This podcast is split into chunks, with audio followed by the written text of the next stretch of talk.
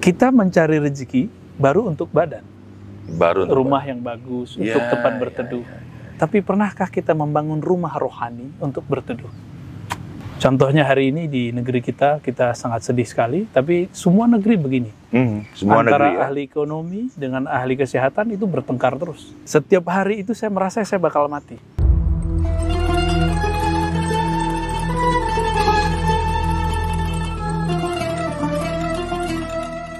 Bismillahirrahmanirrahim. Assalamualaikum warahmatullahi wabarakatuh. Waalaikumsalam warahmatullahi wabarakatuh. Segala puji bagi Allah, Tuhan semesta alam. Beliaulah yang menciptakan ruang dan waktu tapi tidak pernah berjarak. Beliaulah yang menyebabkan kita bisa berjumpa di podcast ya. Ada yang dari Instagram, live Instagram, ada yang dari Facebook dan lain-lain. Tapi ini harus kita ikuti prosesnya. Insya Allah teman-teman semua yang menyaksikan di podcast ini, kelak nanti kita berada di surga di pangkuannya Allah. Surga terbaik di mana surga tidak lagi penting ketika kita berada di pangkuannya Allah. Tapi sebaliknya, jauh dari Allah neraka mana pun kala panasnya.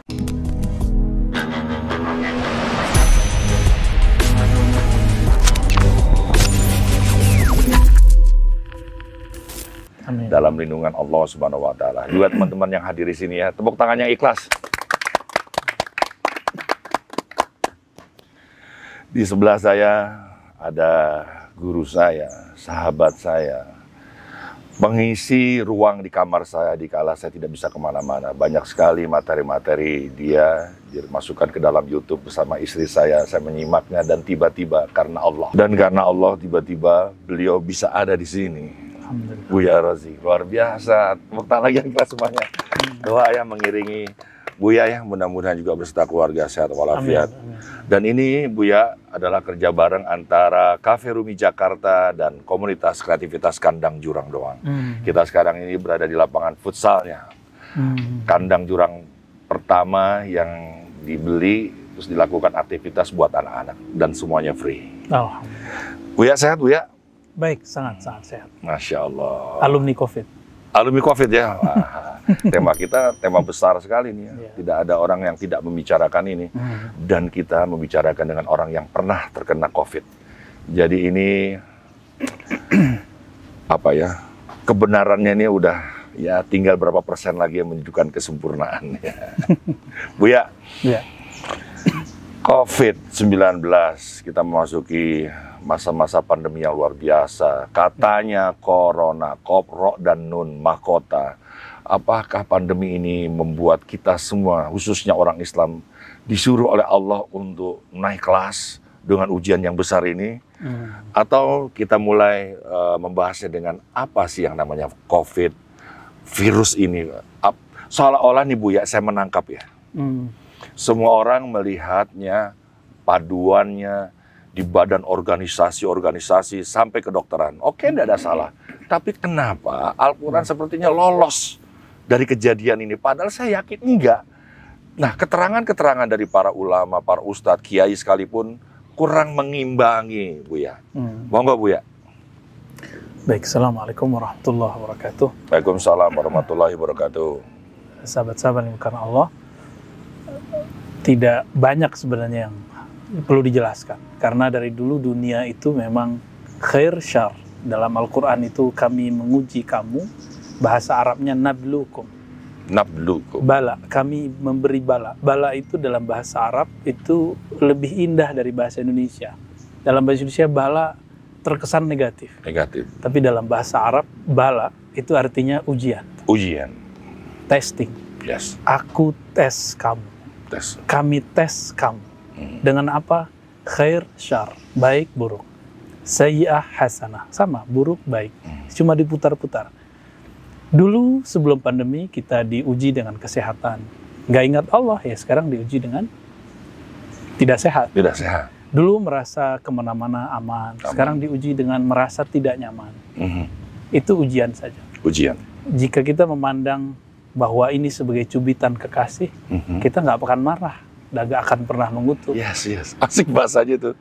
Cubitan kekasih. Iya, Dan kita tidak akan marah kalau yang nyubit adalah kekasih. kasih, nggak balas. Nice. Malah balasnya mencium kembali. Masya Allah. Lalu analog kedua, Analogi kedua. Kalau saya sekolah, Bang Dik dulu kan sekolah kan, Yes. nggak langsung tiba-tiba gede begini kan. Ya, Ketika sekolah, nama kita nggak ada di daftar orang yang ujian. Mau nggak?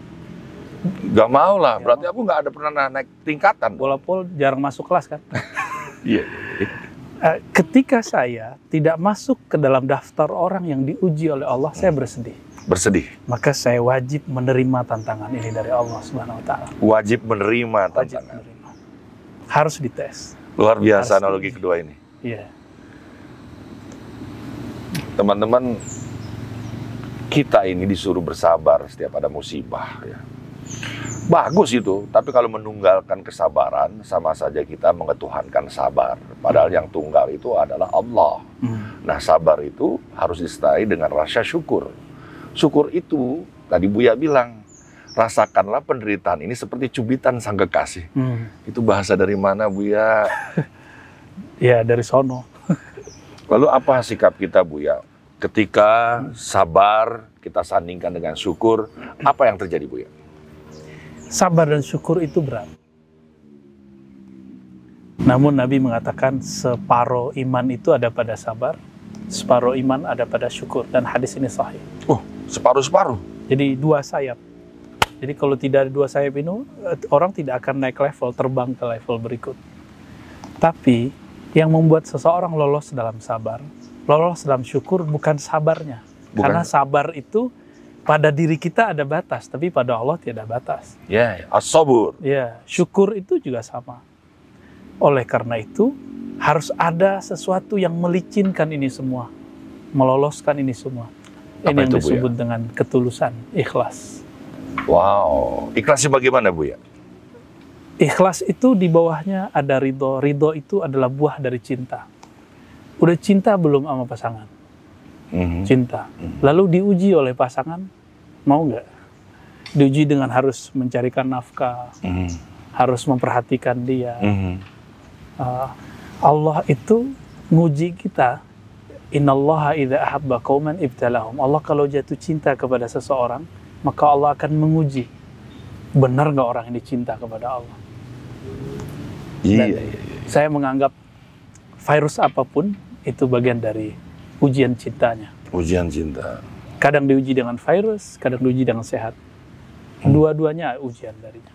Buya, ada orang punya masalah. Saya bilang, mendekatlah kau kepada Allah. Hmm. Bukan gua nggak mau dik doang, tapi mendekat dengan Allah sering diuji. Itu gimana, Buya? itu diksi yang yang kurang lengkap. Jadi orang mengira ujian itu cuma ketika dekat kepada Allah. Mhm. Ada ujian yang tidak dekat kepada Allah juga ada. Mhm. Tapi nam- ujiannya bukan ujian cinta, Apa ujian? tapi disebut istidraj. Oh, di- bertambah nikmat, tapi jadi suruh menjauh. bertambah jauh dari Allah. Itu ujian juga. Iya, iya, iya. Nah, batinnya pasti selalu berbicara, ini benar atau tidak, ini benar atau tidak. Jalan saya sudah benar atau belum. Suara batin ini yang dia tidak dengarkan. Setiap kita punya batin, dan Yes. batin kita selalu berbicara seperti itu. Ini yang membuat orang yang mencari, mencari, dan dia tidak mau mendengarkan itu. Mhm. Mhm. Teman-teman, ini persoalannya tadi. Kamu sudah bersyukur belum? Sehingga kamu tidak tulus nih terhadap apa yang terjadi gitu Hmm, ya. Orang yang tulus itu cenderung jalan hidupnya mulus gitu. ya. Dan karena syukur itu kan adalah cara paling indah untuk meminta ya. Iya. Lalu apa yang dilakukan Bu ya? Kita kan namanya iman pasang surut air laut ya. Iya. Kadang-kadang kita bisa ingat Allah, tapi begitu buka YouTube ingat lagi itu penyakit. gitu. Iya. Bagaimana pegangan kita, paduan kita sebagai muminin dan muminah ini Bu, ya? agar kita istiqomah menjalani peristiwa pandemi ini. Pandemi itu mau kita prokes sehebat apa pun, kalau sudah jalannya garisnya kena ya kena. Gimana tuh? Lalu ya, gimana dong? Iman yang keenam itu yang dilupakan orang. Iman yang keenam. Ya, percaya kepada takdir. Tapi percaya iya, iya. itu bukan hanya sekedar percaya. Dalam percaya itu ada yang disebut ridho, Ridho, kerelaan. kerelaan. Orang yang percaya itu pasti rela. Pertanyaannya, kita, Bang Dik, rela nggak? Ridho nggak Allah kasih COVID hari ini? Rena lah nggak jalaninnya. Atau nggak Ridho? Udah, udah hampir dua tahun. Ya. Ya, mau gimana lagi? Virus di mana pun di dunia, hampir jarang ada studi mengatakan virus hilang. Yang ada cuma manusia beradaptasi. Wow. TBC. Apakah hilang? Enggak. TBC, or- manusia sanggup beradaptasi. Yes. Influenza dulu di awal muncul juga sangat gawat sekali. Tapi kita, kenapa dipilih oleh Allah jadi khalifah di bumi? Karena bukan makhluk statis. Makhluk yang suka beradaptasi itu manusia. Iya, iya. Sesuatu yang disebut merusak oleh malaikat, bagi kita disebut membangun. Jadinya begini kan. Ini kan menurut malaikat ini merusak, Mhm. merusak eh, tanah di bumi, Mhm. kandungan bumi jadi semen. Tapi di tangan Bang Dik jadi jadi nggak jelas begini kan. Kan jadi mana? Iya. Iya, iya, iya. Teman-teman, ada kemampuan manusia beradaptasi, kata Buya. Ya. Persoalannya sekarang dunia maya sudah tak berbatas. Dulu kita bisa menganggap tidak ada gitu ya. Iya. Sudah selesai. Tapi ada kepentingan apa ini Buya? Kematian demi kematian dikabarkan, tapi bayi yang lahir tidak pernah menjadi kabar gembira. Hmm. Sehingga condong ini beritanya tidak seimbang. Islam ya adlu, konsepnya adalah adil. Hmm. Jadi kalau berita tidak seimbang akan melahirkan ketidakwajaran. Iya. Yang berbuntutnya akhirnya tidak leluasa dalam bergerak. Akhirnya kita disuruh di rumah aja. Hmm. Gimana konsep keseimbangan dalam eh, kita berada di rumah maupun dalam suasana pandemi ini, Buya, yang harus kita eh, share ke teman-teman gitu. Manusia itu makhluk yang suka panik, Manusia yang suka panik. suka panik. Ketika panik, maka memberikan jawaban dan solusi berdasarkan kepanikannya. Mhm. Ketika orang ditemui kena virus, dicurigai karena dia keliaran, maka jalan keluarnya di rumah. Tapi mungkinkah itu menjadi jalan keluar? Kan tidak. Contohnya hari ini di negeri kita, kita sangat sedih sekali, tapi semua negeri begini. Mhm. Semua Antara negeri ya. ahli ekonomi dengan ahli kesehatan itu bertengkar terus. Ya. Ahli ekonomi tidak mau ada lockdown, PPKM, Ya, apa pun namanya. ya, ya, ya, Sedangkan orang-orang kesehatan maunya dihentikan dengan cara itu. Tapi saya mau berbicara dari hati ke hati kepada ahli kesehatan. Kalau dia percaya kepada Allah, Allah itu sekarang menginginkan pandemi itu tidak berakhir walaupun kita cuma di rumah. Lalu bagaimana? Kita beradaptasi. Nah, barangkali tawaran vaksin itu adalah tawaran adaptasi. Walaupun jangan kemudian menyekutukan Allah dengan vaksin. Masalahnya hari ini orang menyekutukan Allah juga dengan vaksin. Jalan satu-satunya cuma vaksin. Itu kan pertandingan terhadap Allah. Allah juga nggak ridho. Yes, yes, aku suka kalimat itu. Jangan menandingi Allah yang maha melindungi, maha menyelamatkan dengan vaksin. Ya. Kalau dalam hadis itu Nabi mengajarkan orang sebelum tidur supaya masuk ke alam bawah sadarnya.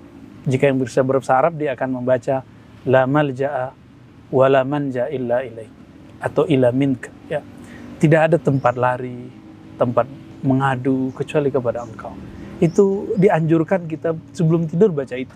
Tapi yang biasa kita bacakan cuma yang ringkas. Karena kita maunya di rukhsah terus. Bismillahirrahmanirrahim. Masih kayak ampun. ayawamu. Tapi ada kalam ini dalam hadis Bukhari dianjurkan kita sebelum tidur menyerahkan semua urusan kepada Allah. Wow. Ah, udah udah menyerahkan belum kepada Allah? Kita berserah bukan berarti kita fatalis tidak ada usaha. Kita ada usaha. Semua orang hari ini sedang berusaha mencarikan solusinya. Maka kepada eh, ahli ekonomi silakan carikan solusinya, ahli kesehatan carikan solusinya. Aku suka itu. ahli agama carikan solusinya. Dan jangan bertabrakan. Jangan sampai ahli agama mengatakan tidak ada covid. Nggak benar juga. Jangan sampai juga dokter bilang covid tidak bisa dihindari dengan doa. Itu menyinggung para ahli-ahli agama wali-wali Yes, Allah. Yes, yes, yes, yes. dan seterusnya seterusnya. Apa ya boleh kita katakan alangkah indahnya jika mereka berkumpul ngobrol ngurusin umat manusia tidak mudah Keren Bu ya, keren. Iya. Masya Izin minum Allah, ya. Masya Allah. Jadi teman-teman, Buya ini menginginkan kita kembali kepada diri kita, introspeksi diri kita. Kita ini siapa? Kalau Anda perancang baju termasyur sekalipun punya merek branded yang luar biasa mahalnya, bikin baju dipaksakan, ya ambruk lah, ya bangkrut lah. Coba ciptakan Anda masker yang including dengan jilbab gitu ya, yang passion, Hmm. Terus kalau seorang pemusik mungkin Buya menginginkan kamu bikin musik-musik terapi, jangan musik-musik jingkrak-jingkrak, ajeb-ajeb. Siapa yang mau kumpul-kumpul nggak boleh. Ya. Terus kenapa kamu tiba-tiba fashion bicara tentang kedokteran, tentang kematian seperti Hmm. pencatat-pencatat apa tuh? Ke- apa jumlah-jumlah orang yang mati, Hmm. mengabarkan tentang kesehatan sementara Anda adalah ahli pakaian. Iya, iya. nggak masuk. Jadi eh, Buya menginginkan kita kembali kepada diri kita apa yang kita lihat gitu. Hmm. Keren Buya, Alhamdulillah. keren. Dan kenapa kita tidak melakukan selekas-lekasnya? Dan tadi tuh dari kedokteran kenapa menghantam seluruh departemen Hmm. untuk melakukan apa yang dia inginkan, Hmm. sementara ekonomi tidak diberikan ruang Ruang. untuk bergerakan. Hmm. Buya saya nobatkan sebagai Menteri Aduh. Pendidikan, Aduh, aduh, aduh. Gawat. Menteri Kesehatan, berikut juga Menteri Perekonomian Di langit. di langit. Buya, Buya, aku mau tanya lagi Hmm. Buya. Ini virus, Hmm. dia entah bermata atau tidak bermata, tetaplah ciptaan Allah. Iya. Dia nempel pada tubuh orang yang beriman maupun yang tidak berimun. Iya. Ya. Kiai besar Mati. mati. Orang yang masih mencari agama Mati. mati, juga. Saya ingin tahu regulasinya Bu ya. Ketika dia nempel, memang dia tidak berjumpa dengan siapa pun kecuali hanya kulit. Tapi begitu masuk ke dalam, mulailah dia melihat ruh di situ ada hidup. Hmm. Ruh ketemu ruh. Ruh ketemu ruh antara virus dengan ruh yang dihembus sejak kita dari bayi.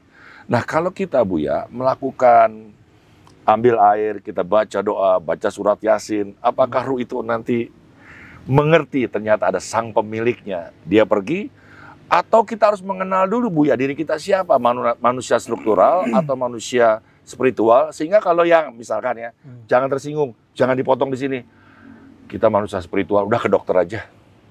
Tapi kalau manusia eh, spiritual, udah coba kita berdoa dulu, ngaji dulu, jangan panik dulu. Walaupun ujung-ujungnya adalah ke kedokteran. Ya. Gimana Bu ya? Saya jawab pakai dalil Quran ya. Boleh Bu ya, itu yang kita harapkan. Di akhir-akhir surat Sad itu Surat Allah Sad. berbicara tentang penciptaan sisi struktural manusia, fisik dan eh, penginstalan ruh ke dalam tubuh fisik. Yes, Jadi surat tubuh fisik ini kemudian diinstal dengan ruh. Mhm. Eh, dalam Al-Quran dikatakan inni khalikun basyaran min tin. Aku ciptakan manusia, bashar. Bashar itu yang tadi di bahasa bahasanya keren amat ya, Apa manusia struktural. Oh, iya. Bahasa dari mana itu? Aku ciptakan manusia yang zahir itu dari tanah. Tanah. Oke, dari tanah.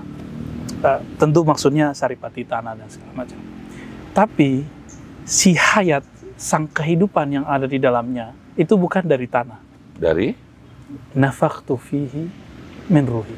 Setelah aku lengkapi, sempurnakan fisiknya, berarti kalimat kuncinya di situ.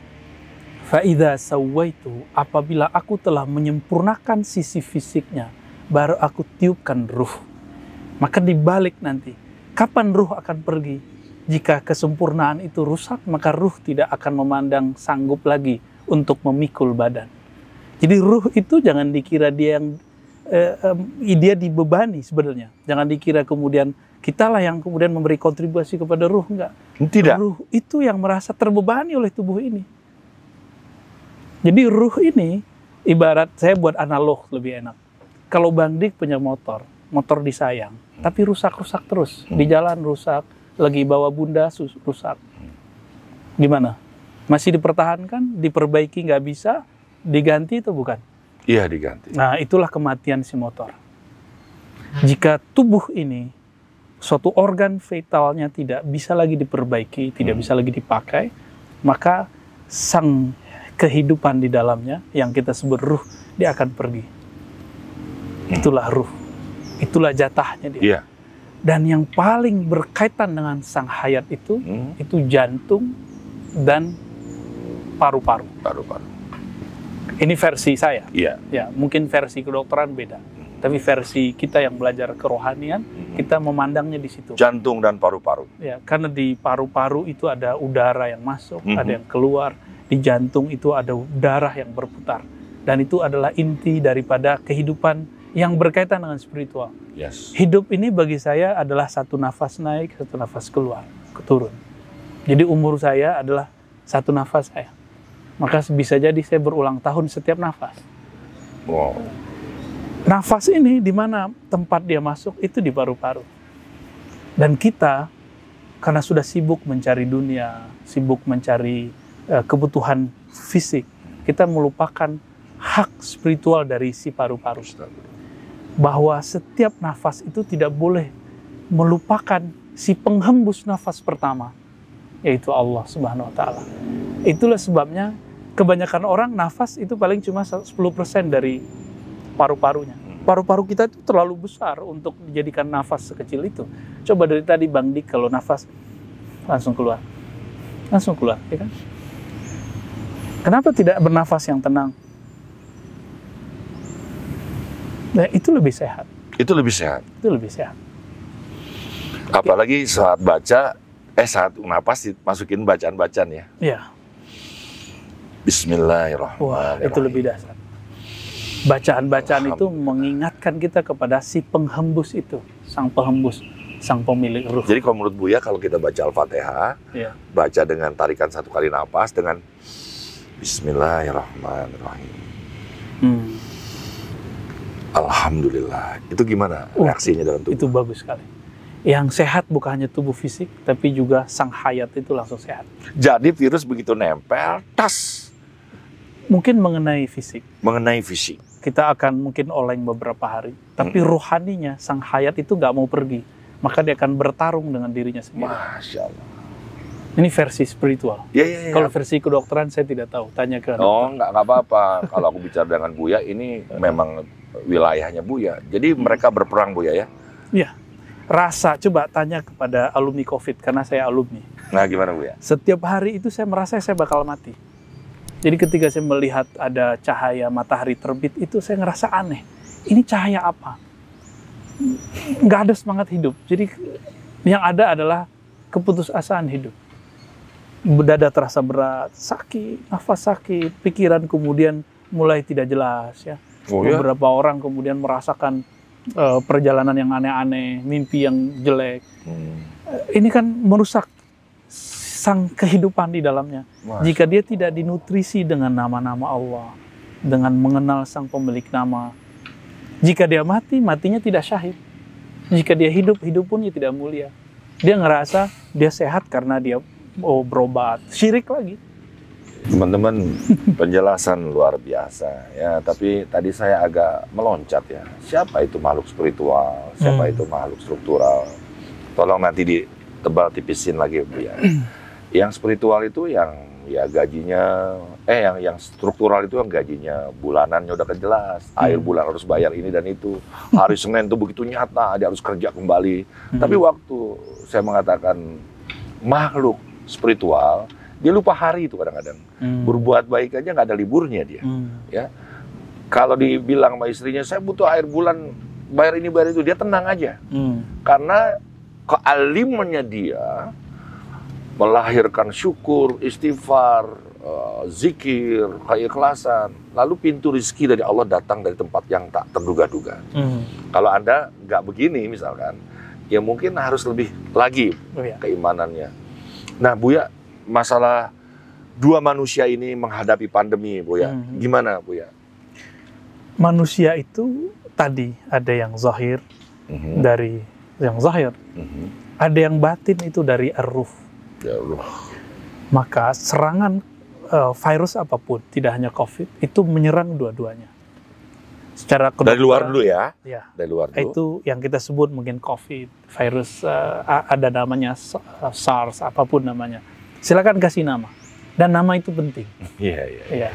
Eh, virus saja ada namanya. Yes. Masa ruhnya antum nggak punya nama? Iya, iya, iya, iya. Maka nama ini penting. Nama ruh itu penting. Nama ruh itu penting. Ah, sisi ruh ini yang harus kemudian dikenali. Maka jika dikatakan man arafa nafsahu, siapa yang kenal dirinya, maka kenal Robnya, ci- penciptanya. Masya Imam. Ghazali kasih pertanyaan.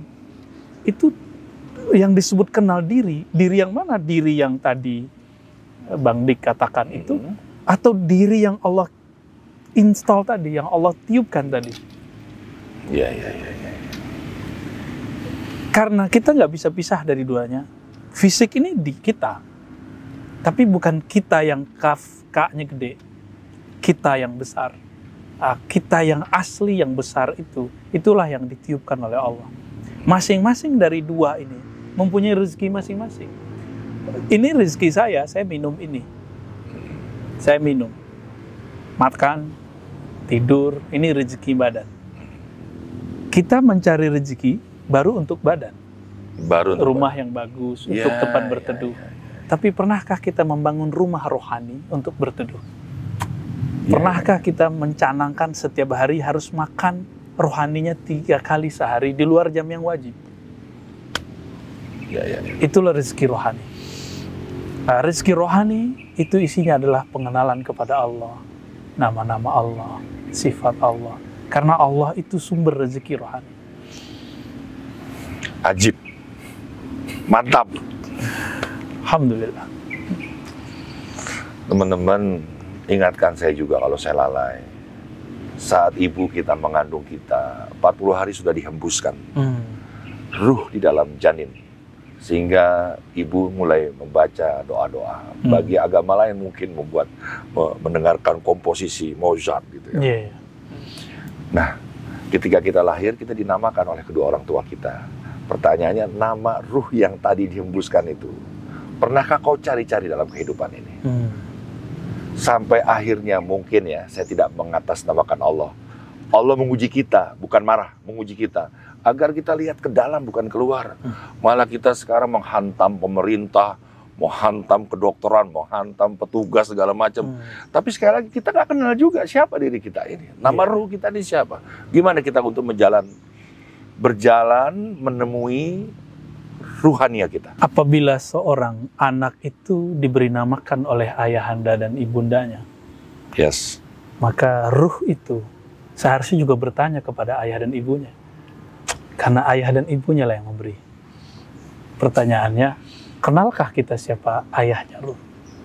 Iya, iya, iya. Dalam tradisi ahli-ahli rohani keislaman, ada ungkapan Nur Muhammad, Muhammad Abur Ruh, Abul Arwah. Sosok Nabi Muhammad yang hakiki itu adalah ayahandanya ruh. Maka penamaan ruh itu adalah haknya Nabi Muhammad Sallallahu Alaihi Wasallam. Maka untuk bisa mendapatkan nama itu, ibarat kita kalau ingin mendaftarkan nama supaya resmi, kita datang ke Dukcapil. Iya, Gitu ya.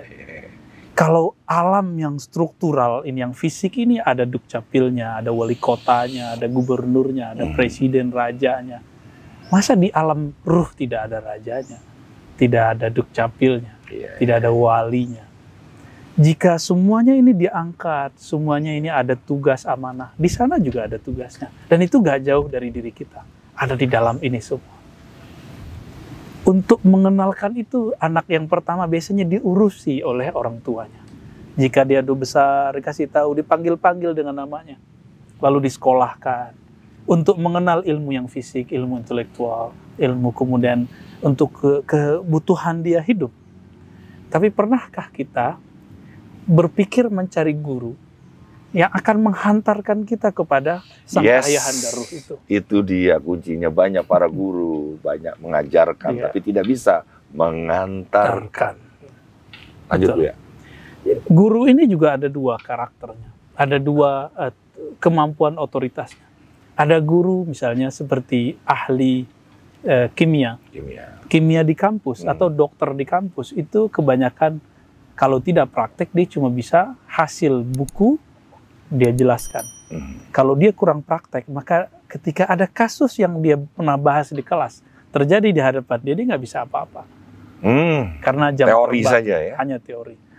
Bang Dik baca seribu buku tentang eh, seni, Hmm. tapi nggak pernah berguru kepada ahli seni, tidak pernah melihat seorang seniman menyoret-nyoret, menggores. Itu tidak akan pernah menjadi seniman, walaupun membaca seribu buku filsafat Yes. Maka saya butuh orang yang membimbing, yang memegang tangan saya, kemudian menyoret-nyoret wajah saya sendiri. Mencoret-coret bagian ruhani itu. Maka temuilah guru itu. Guru yang menghantarkan ke sana. Berat. Siapa mereka? Al-ulama warathul anbiya. ulama yang kenal kepada Allah, itulah pewaris para nabi. Bukan ulama yang bisa baca kitab saja, yang bergelar saja. Baik gelar masyarakat kiai, gelar kampus doktor, profesor, itu itu gelar di alam fana. Mana? Tapi gelar yang mau kita cari, guru yang arif billah, yang dia ruhaninya masih ingat siapa yang menghembuskan ke dalam dirinya sang ruh itu. Luar biasa. Bahasanya mudah-mudahan nih Bisa ditangkap kayak bisa ditangkap ya. Agak berat sih. Saya tidak juga mencoba mencairkan, tapi saya coba ingin menerimanya aja. Hmm. Jadi kita ini sebenarnya adalah manusia garis keturunan Nur Muhammad Sallallahu alaihi wasallam. Ya. Tapi yang hadir di bumi ini adalah Adam sebagai tubuh jasad ya. Tapi ingat sudah ada Nur Muhammad di atas kepalanya Nabi Adam istilahnya begitu. Hmm. Jadi kalau kita ini sudah menapak jelas berpijak di bumi ini sebagai tubuh jasad, dipanggil dik doang, kita jangan lupa ada garis keturunan Lah. cahaya Nabi Nur Muhammad SAW ini. Nah itu yang kita tidak cari, yang kita cari pangkat jadi artis papan atas, Hmm. ya gelar doktor Hmm. S3. Kok ngeliat ke saya sih kalau dokter? Ya, sehingga kita Iya. lupa loh. Sekarang kita apa sih kamu cari sekarang? Selamatkan dari COVID. Ya. Nah, kita cari cuma itu, cuma apa jalan solusi keluarnya nggak ada juga. Hmm. Lalu beliau tadi menanamkan kalau bisa ini makhluk yang tidak terlihat.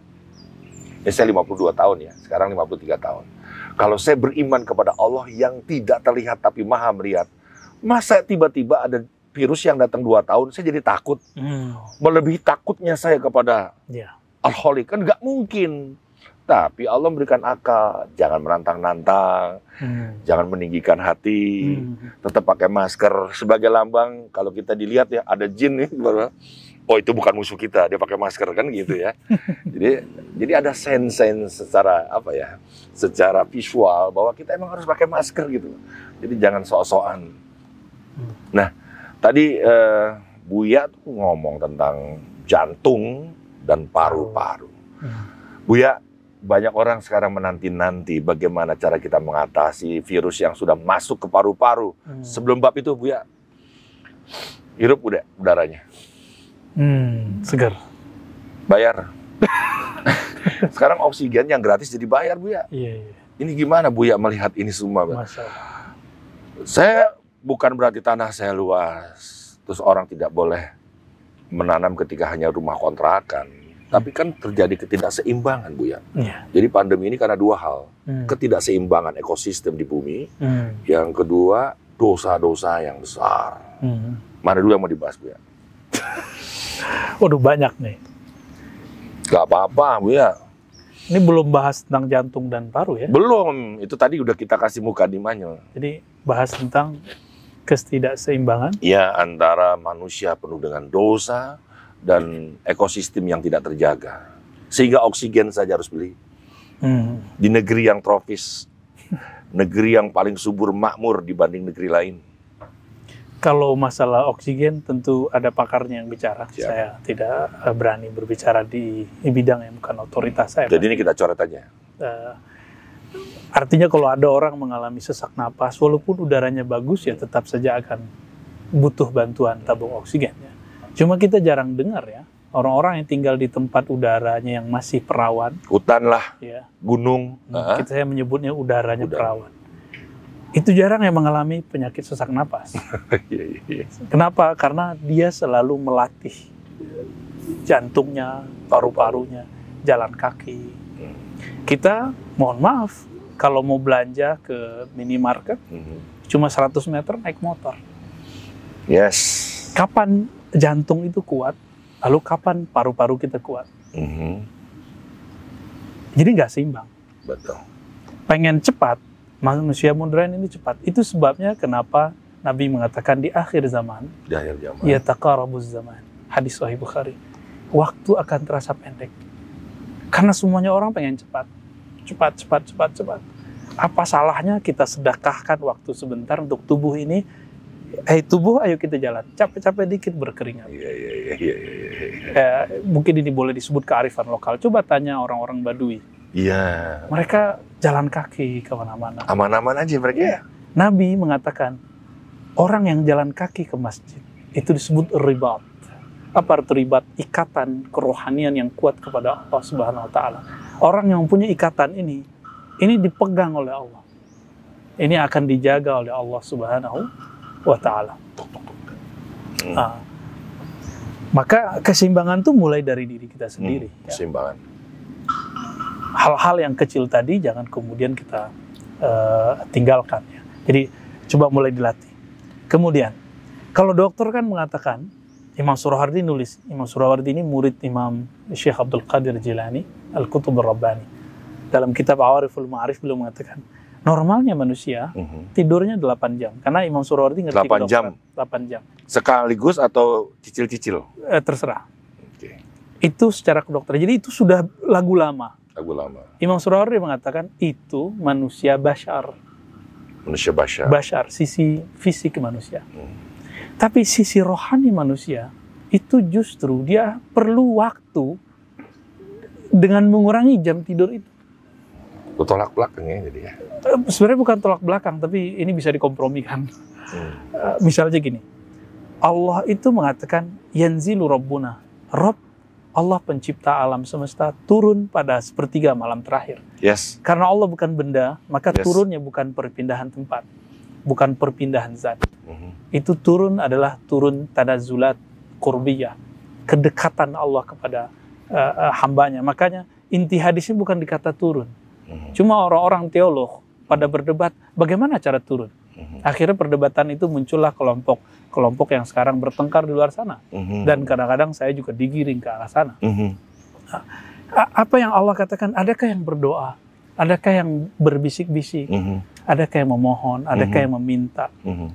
Allah memberikan pertanyaan. Mhm. Setiap kali Allah turun, pasti batin kita bangun. Karena ruh ini mau dipanggil oleh sumbernya ruh. Oh, yes. Seharusnya dibangun. Makanya orang-orang rata-rata dikasih sinyal. Kandung kemihnya penuh, bangun seharusnya.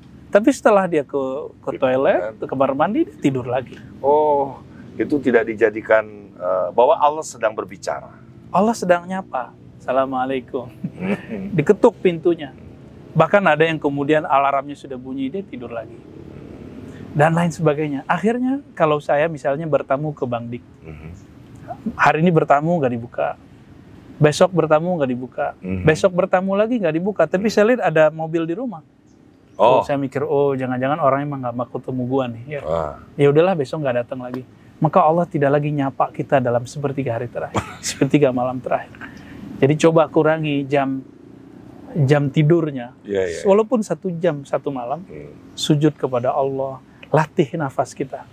Nabi ketika bangun, bangun malam hari, itu Nabi membaca Hmm. eh, surat ayat Ali Imran ya, surah Ali Imran ayat Hmm. 190 Mhm. tentang penciptaan langit dan bumi, Mhm. tentang zikrullah. Mhm. Itu ada kesimbangan. Jadi berbicara langit bumi, tafakkur. Tafakkur. Berbicara Allah, zikr. Jika- Jangan terbalik-balik. Yes. Ya. Buya, malah saya ngaco, Buya. Allah ciptakan siang untuk kalian mencari nafkah, malam untuk tidur. Ternyata untuk ibadah ya. Terus kapan tidurnya jadinya? Nabi itu kebangkitan spiritual beliau itu ketika ada ayat ya ayyuhal muzammil wahai yang berselimut Apa? wahai yang sedang berselimut Wahai yang sedang berselimut. kumil laila illa qalila bangunlah malam hari meskipun sedikit Itu surat apa? al muzammil Al-Muzammil. Jadi bukan untuk tidur ya, Buya ya? bukan. Nisfahu setengahnya atau seberapanya lah. Harus me- menyisipkan waktu sejenak. Kalau kita berbicara dengan teman-teman ahli eksak setiap hari ketika ada udara itu kan suara itu bergelombang gelombang gelombang. Kapan gelombang itu berhenti? Di saat itulah pikiran kita bisa tidak terganggu. Maka ahli-ahli neuro, neurologi itu menganggap walaupun orang tertidur kalau dia mendengarkan musik dia akan kelelahan jika musiknya tidak Jadi- musik terapi bukan Oh. musik meditasi Eh, seperti Sering instrumen dan segala macam ya. Eh, sama Sama dengan ini. Sepertiga malam terakhir itu waktu yang paling hening di saat otak kita bisa berpikir secara hening, secara pure murni. Hmm. Coba temukan itu. Buya, kalau menurut Buya, kalau saya tahajud nih eh, definisinya bukti nyata kalau engkau menyintai Allah. Ya. Hmm. Maaf ya Buya ya, kalau Buya apa? Tahajud Saya tidak menyebut itu. apa? Saya mengatakan yang Nabi katakan, afala an akuna abdan Apa syakura. Buya? Eh, apakah engkau sudah berterima kasih kepada Allah? Masya Allah. Jadi orang yang nggak tahajud itu sama dengan orang yang Tidak tidak, berterima berterima kasih. Itu jawaban Nabi ketika ditanya oleh Sayyidah Aisyah, wahai Rasulullah, engkau kan sudah diampuni. Mhm. Sekarang, kemarin, esok sudah diampuni. Terus apa lagi tahajud? Untuk apa tahajud? Hmm. Jawaban Nabi bukan mau cari surga, mau cari pahala. Nabi Tapi, sudah pasti dijamin masuk surga. yes. Bahkan orang masuk surga itu Nabi yang jamin. Terus Nabi itu apa? Jadi sholatnya Nabi ini bukan lagi sholatnya orang awam. Mhm. Bukan lagi sholat orang yang cari pahala. Bukan, ya. Bukan. Bukan lagi sholat untuk menikahi 72 bidadari. Bukan. Tapi sholat Nabi, sholat berterima kasih kepada Allah. Maka beliau mengatakan, Wahai Aisyah, aku hanya ingin berterima kasih kepada Allah. Karena rasa inilah yang membuat Nabi bisa bertahan di dunia. Baik. Buya, kalau sholat sendiri adalah pembersih dosa-dosa kita, termasuk jasad dan ruhania. Iya. Sholat itu adalah berbisiknya kekasih pada kekasih. Hmm. Sholat itu adalah kebutuhan Hmm. apabila mana kita tinggalkan jadi ada yang kurang. Kalau Buya apa sholat itu? Bagi saya sholat. Kembali kepada kalam Allah yang Allah sudah turunkan ke Nabi Muhammad, surat Taha, ayat 14. Allah mengatakan, Aqimis salat ala dzikri. Dirikanlah hak-hak sholat untuk mengenang kembali sang aku, sang peniup ruhmu, kampung aslimu. Mengenang kampung, mengenang sumber, mengenang pemilik alam semesta.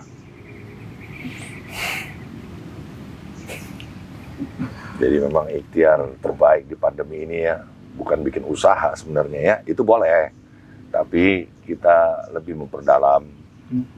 Ibadah kita apa yang kurang kita lengkapi. Buya, ini kalau waktu masih panjang Buya, tapi takut enggak terjawab Buya, bagaimana tadi ketika karena tema besar kita pandemi dan spiritual, ketika dia masuk Buya, Hmm. menyerang jantung dan paru-paru. Adakah pola ya, ya, ya ikhtiar kita ini? Iya, Gimana iya, cara kita menghalau paru-paru kita dan jantung kita ini, Bu ya? Hmm. Adakah cara, Bu ya? Kalau secara kedokteran tentu saya tidak punya otoritas Ya, karena tolong itu ya, milik yang dokter. kedokteran ya, nggak usah berdebat ya, nggak usah pakai kata-kata yang nggak enak Ah. didengar gitu, nggak usah. Jadi itu bukan bagian saya. Ya, bukan. Tanya aja ke dokter. Ya. Tapi masalahnya Saya dokter pun nggak ini. menemukan. Ya. Dokter nggak menemukan obat kan? Dokter tidak menemukan, saya tebelin lagi, Bu ya. Jadi kalau diedit ada suara saya juga gitu, Bu ya. Iya. Ketika COVID ini bekerja meruntuhkan iman, mewaswaskan orang kematian, ketakutan, Hmm. maka bagian kami lah itu. Itu dokter nggak ada daya di situ. Ulangi, Bu ya, bagian Kamilah itu siapa maksudnya? Ya orang-orang yang Oh, ulah, Aktivitas. ulah, Bu ya. ya termasuk Bang Dik nanti. Enggak lah, Bu ya. Kami-kami yang kemudian mengabdikan diri untuk uh, uh, mempelajari agama. Yes. Meskipun saya tidak menganggap diri saya mm, betul-betul mengenal lebih Yes. daripada orang lain. Saya tidak menganggap diri saya lebih alim pastinya karena Yes. di atas orang alim ada yang lebih alim. Namun dalam pengalaman kita sebagai alumni COVID uh, dan saya pernah berlatih zikir nafas. Zikir nafas. Seperti apa, Bu ya? Itu penting kayaknya. Zikir nafas itu zikir tapi ada kesadaran bernafas Hmm, bahwa nafas ini milik Allah. milik Allah. Orang Sertakan Allah dulu dalam diri. sertakan Allah. Ya. Kita kan lupa, kita kemudian menyekutukan Allah dengan oksigen. Kita butuh oksigen, tapi kita tidak akan kemudian berhenti pada si oksigen itu. Yes. Kita juga butuh butuh eh, CO2 kok. Vitamin semua ya. Ya, itu- kita butuh semua.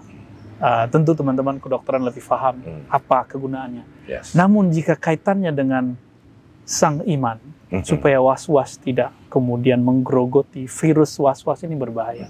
Jadi yang paling berbahaya dari COVID secara kerohanian adalah bisa merontokkan cahaya eh, kolbu, cahaya Yes. rohani, cahaya iman. Maka ini bisa diterapi dengan zikir nafas. Seperti apa Bu ya? Udah gak sabar nih. Wah, bukannya udah pernah ya. Ya. Kita coba misalnya, eh, pertama kita kenali bahwa eh, paru-paru kita ini tidaklah sedangkal yang kita tahu. Seperti tadi, bernafas itu agak sedikit lebih dalam. Nafas, tapi kita menyadari nafas ini dari Allah. Maka sebut namanya. Allah itu menyebut dirinya Hu, Hu. menyebut dirinya Allah, menyebut dirinya Ahad. Ahad. Kita boleh ambil dua yang di depan. Hu Allah. Hu Allah. Kul, apa kata Allah? Katakanlah, bacalah, lirihkanlah, lafazkanlah. Huwa, dia adalah Allah. Dalam ilmu bahasa, waw itu lizaidah atau litisol, hanya penghubung. Jadi asalnya adalah hu. Mhm. Tanya kepada ahli bahasa, mereka akan Yes. menjawabnya. Maka huwa, dia. Hmm. Dia yang bagaimana? Dia yang tidak bisa dicapai oleh pikiran Mhm. dia yang maha hebat di atas kehebatan semua orang yang hebat dan semua kesempurnaan itulah dia. Mhm. Jadi kita boleh mengartikan huwa itu yang maha transenden kalau bahasa filsafatnya. Ya. Yang maha suci di atas segala kesucian. Itu huwa. Lalu ada Allah, huwallah. Ya. Maka ini bisa dipadukan. Ya. Ketika kita ngambil nafas, ambil nafas pelan-pelan. Hu. Jadi ambil nafas. Hu. Supaya kita tidak berpikir tentang yang lain, buat titik imajiner dalam diri. Titik imajinatif. Mhm. Semacam semacam garis Hmm. dari pusar ke ubun-ubun. Posisi kaki gimana Bu ya? Begini atau Uh, atau boleh kita begini, Bu, sila, atau begini Bu ya? boleh duduk yang paling nyaman. Tapi yang paling bagus ini dan duduk antara dua sujud. Ini yang paling bagus. Itu sangat bagus. Ya, terus gimana, Bu, ya? diluruskan. Ya. Bisa praktek ya teman-teman? Coba kita praktekin. Atau kalau kuat, kalau kuat seperti ini. Ini bisa juga menarik yang di belakang. Ya kalau Dinaikin. Ya, itu enak. Ini bukan yoga loh ya, saya bukan guru yoga. Oke. Kalau yoga biasanya kakinya satu lagi naik lagi. Hmm. Ah, ini bisa membuat kita lebih santai, rileks. Terserah. Jadi punggungnya harus agak sedikit lentur. Lentur, Ya, jadi tarik nafas. tarik Ya. nafas. Mulai dari dari pusar. Hu. Pelan-pelan. Itu diucap atau di dalam hati? dalam hati. Dalam hati. Hut, tapi ini Buya lagi mengeluarkan. Ya, ini saya bunyikan. Sebutan bacaannya. Hu. Dibawa ke kanan. Nah, karena jantung ini paling sering Ke atasnya was-was. ke mana Buya? Ke ubun-ubun. Ubun-ubun. Ubun-ubun kita di situ ada titik yang sensitif di sana. Biasanya orang-orang yang banyak pikiran, Mhm. salah satu terapinya di tapping di sini. Nah, Nabi eh, Muhammad SAW ketika merukyah orang itu tidak pakai bacaan, cukup di tapping bagian dadanya, tek, atau di bagian eh, diusap bagian kepala. Mhm. Makanya anak yatim Nabi sering usap. Itu sebenarnya bagian dari terapi-terapi say- kasih sayang. Jadi ini kalau saya nyebutnya titik kasih sayang. Titik kasih sayang di sini. Ini versi saya loh ya. Bisa jadi beda dengan Bang Dik. Hmm. Bang Dik apa? Sekarang saya di situlah. Jadi dia ambil, tarik nafas. Ini saya bunyikan ya, coba Ya. tarik nafas pelan-pelan. Satu, dua, tiga. Hu. Sampai ke atas, bawa ke bahu kanan. Hu. Dihunjam, dihunjam ke dada bagian kiri. Di situ ada jantung. Allah. Lagi diulang. Hu. Sampai bahu kanan, hunjam. Allah, ditahan, ditahan. Jadi cara menahannya ini nafas diafragma perut. Jadi agak dikecengin bagian perutnya. Tapi jangan mengisinya penuh. Cukup isi 70% dari dari dada kita. Nah, jadi kalau ngisinya penuh biasanya tidak tahan. Eh, Waktu nyebut Allahnya itu sekali aja. oh, berkali-kali. Tapi untuk pertama kali dan kedua cukup sekali. Maka kita eh, mengatakan eh, ketika membaca itu ada hunjaman. Allah. Seperti itu ya. Seperti menghujam. Jadi eh, ini sebenarnya hati atau kolbu? Kolbu jantung. Kolbu ya. Kol jantung. Jadi secara zahir itu jantung. Namun jantung ini berkaitan dengan kolbu rohani. Ah, nanti yang ketiga langsung ditahan nafasnya. Yang ketiga, Yang ketiga. Oh. Allah. Tahan napas. Nah, terus pelan-pelan aja. Tapi di terus Allah. Allah. oh Allahnya Iya. ditekan. Berapa kali? Allah. Iya. Sebanyak-banyaknya, sesekuatnya. Napas jangan dibuang. Ah, nanti ketika hendak mau keluar, jangan terlalu nyusak baru dibuang. Tapi ketika masih ada sekitar 1-2 detik, kita Oh. mengeluarkannya dengan pelan dari hidung. Ketika mengeluarkannya, baca lagi Allah.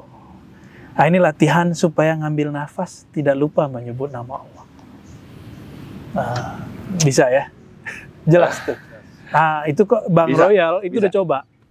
Bang Coba Royal cuma tiga kali teman-teman semua. Hmm. Kita ambil gambar teman-teman semua ya. Coba Iya. posisinya. Ya, boleh dikeluarin hu-nya aja dulu buat pembelajaran. Monggo, Iya. bunyi hu-nya. Hu. Kanan. Hunjam ke kolbu. Allah. Ah, dan yang ketiga nanti itu baru ditahan. Kalau perlu tangannya seperti ini. Ya, agak keras sedikit. Dibuat dia kemudian kencang. Gitu ya. Nanti dia berkeringat. Kalau antum berkeringat, nanti dia akan lama-lama tambah tambah enak, tambah Ya, ya, enak, ya, tambah ya, enak. ya, ya. Kira-kira gitu ya. Baik, baik. Ya. Ini bukan obat COVID, tapi ini terapi pernafasan, terutama bagi yang terkena. Ya. Buya merendah aja nih sih sebenarnya. Eh, teman-teman, kalau Anda bisa yoga, ini bukan yoga, tapi yang bisa yoga ini jauh lebih cepat ya sebenarnya ya. Artinya mengendalikan nafasnya ya. Tapi yang tidak biasa, ya ini butuh dicoba. Tapi saya tadi ya, melihatnya justru tadi jawaban saya terjawab bahwa ketika tubuhnya, ruhnya itu COVID, masuk ke dalam tubuh kita berkenalan dengan tubuh ruhania kita, kita menghembuskan itu dan mengeluarkan itu biar istilahnya saling mengenal dan tidak saling mengganggu gitu ya. Hmm, Ya, ini bahasa apa ya sih? Pak ya? Jangan dibilang il- eh, eh, ilmiah lah, ini bahasa alamiah lah justru. Di mana aku selalu menyaksikan Allah dalam setiap daun-daun yang tumbuh. Hmm. Tapi kalau Anda menyuruh saya mana gitu, ya ini hanya marifat yang bisa membuktikan ini semua. Kalau Anda tidak doyan ilmu marifat, jangankan marifat, syariat aja nggak dijalanin, tanam pohon kagak, gitu ya. Hmm, ya, ya. Susah jadinya. Tapi gini, kalau Anda tidak punya perkarangan, ya udah nggak jadi masalah, jangan jadi perdebatan. Yang paling penting adalah tanamlah pohon cinta di hatimu, Masya Allah. ya atas nama Allah, sehingga kamu sama-sama menyapu tetangga kita yang nanam, kita ikut nyapu. Hmm, Jangan oksigennya diambil, tapi kita nggak mau nyapu kan gitu Iya. tuh aneh ya, Ajib, ajib. gitu Buya ya. Keren. Nggak Buya, ini mungkin kalau misalnya ada waktu, ada seorang penghafiz Quran. Hmm. 8 hari berbaring, lima Oke. dokter didatangi, Hmm. dia tetap tercover, me-WA aku, aku nggak bisa baca Quran, tapi ku ingatkan, aduh kalau bisa istrinya puasa karena suaminya yang sakit. Iya, iya. Lalu bacakanlah air putih dengan surat yasin, suruh dia minum. Buya, tolong saya pingin tahu regulasinya. Ini ternyata dia sekarang bisa berjalan, tadinya tayamum bisa berwudu, sehat kembali Buya. Alhamdulillah. Tapi kan saya abstrak bu ya, main ngomong aja, so yakin dasarnya gitu. Coba kalau saya yang kena, nauzubillah min zalik.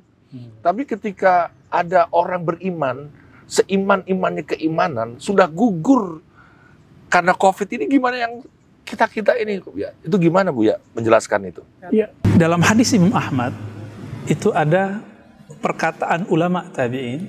Ulama tabi'in ini kan murid sahabat. Disebutkan di situ qala al-masyakhah atau qalatil masyakhah idza quri'at 'alal mayyit khuffifa an.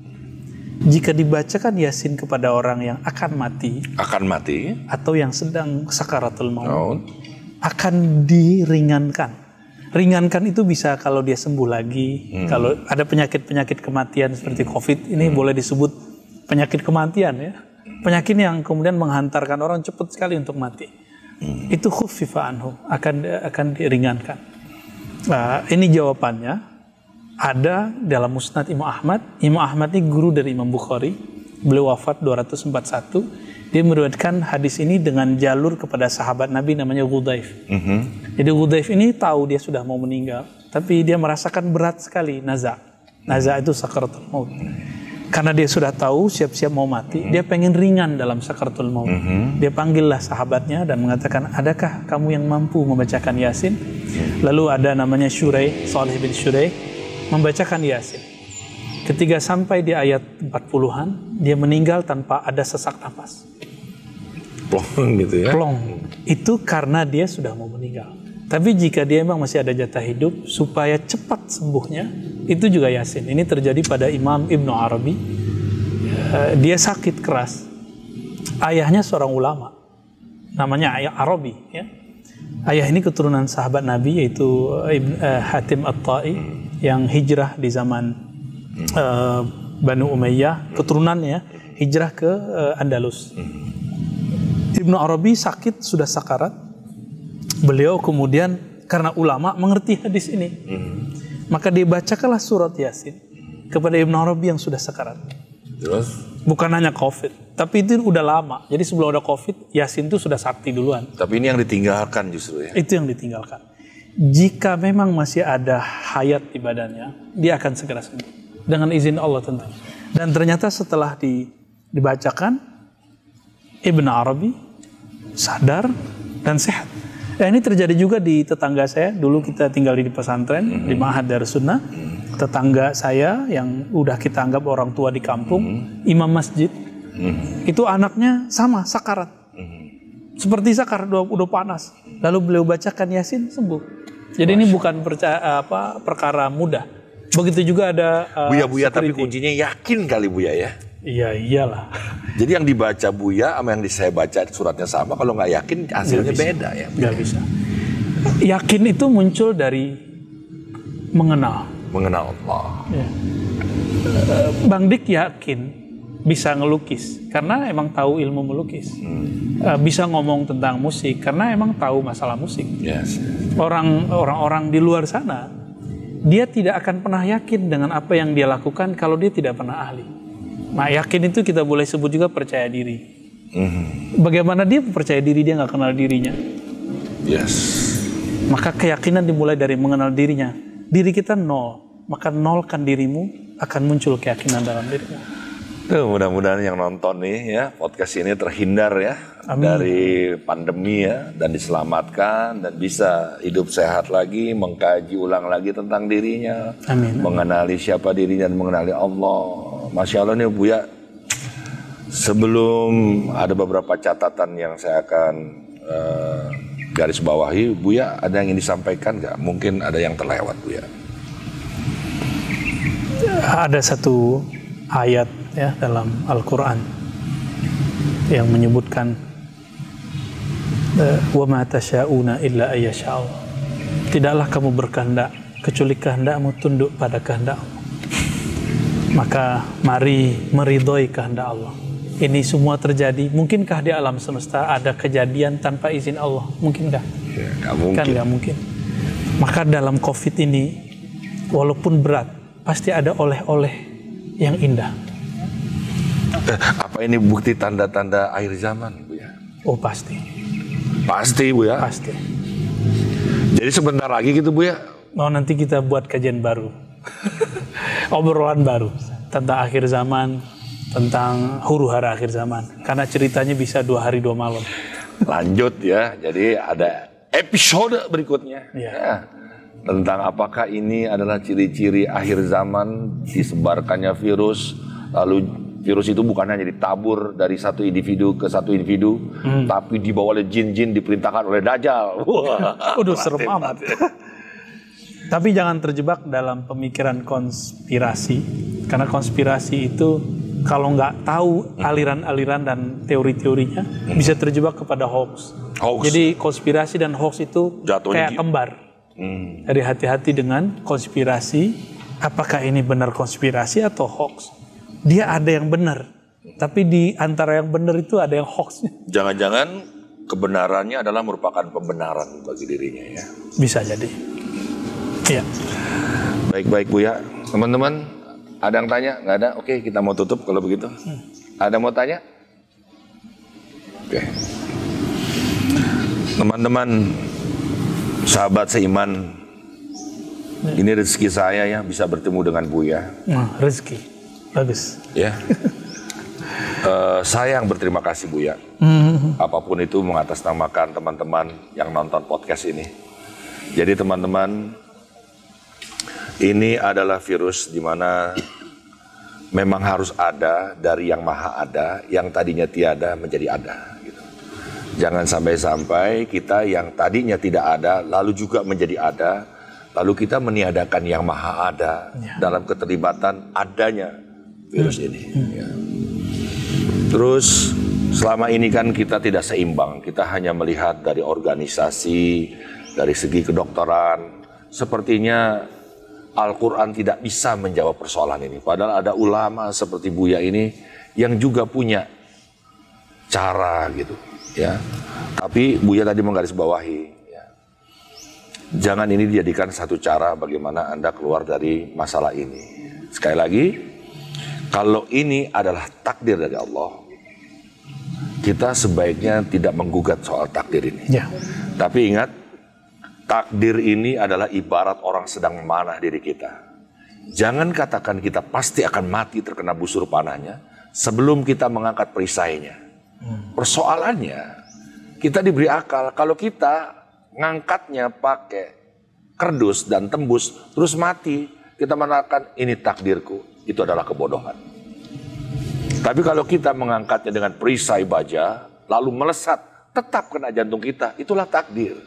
Jadi kalau kamu sudah pakai masker, ya, sudah di rumah aja, ya, minum vitamin-vitamin, ya, tapi ken- kena, tetap kena, terus kamu katakan Allah jahat, kenapa engkau memilih aku orang yang tertib dalam kehidupan? Boleh jadi kalau anda hidup terus berlangsung, kiamat tiba, aku rasa benar kata agama orang yang terkena apa nih misalnya? Virus itu apa? Eh, marah bahaya atau musibah ya? Musibah ya. Dia mati dalam keadaan Lama dapat malapetaka. dalam malapetaka dan mati dalam keadaan Su'ul khatimah. husnul khotimah. Su'ul. Su'ul Su'ul khatimah. khotimah. Jadi kalau kita nanti dikejar-kejar oleh air bah, dikejar-kejar oleh kebakaran yang luar biasa, aku rasa kepedihannya. "Ah, kalau bisa ya Allah, saya pingin banget mati sebelum kiamat datang gitu. Insya Allah. Ya, karena kebayang banget kiamat tuh kayak apa. Begini aja kita udah ngeper. Hmm. Bu ya, makasih banyak teman-teman boleh mencoba apa yang kita obrolan tadi tentang pernapasan ya dari user-user ya orang bahasa Inggrisnya menyebut bodong ya. Ditarik sampai ke ubun-ubun di mana kita nanti mati pun ditariknya bukan dari mulut dan pernapasan, dari ubun-ubun kita dengan kalimat hu sambil tahan napas ya. Iya. Lalu kita tarik di ketinggian paling tinggi di mana kita berpijak inilah paling tinggi nih ubun-ubun lalu kita hembuskan ke kanan kita berikan kekuatan di sini ya tapi semuanya dalam keadaan rileks saja lalu hempaskan di kolbu kita tepatnya ada di sini maka insya Allah Allah yang kita sebut ialah sebaik-baiknya maha melindungi Anda semuanya akan terlindung dari virus corona Mohon maaf lahir batin. Terima kasih Buya. Saling memaafkan dan saling mendoakan. Wabillahi taufiq walhidayah. Assalamualaikum warahmatullahi wabarakatuh. Assalamualaikum warahmatullahi wabarakatuh.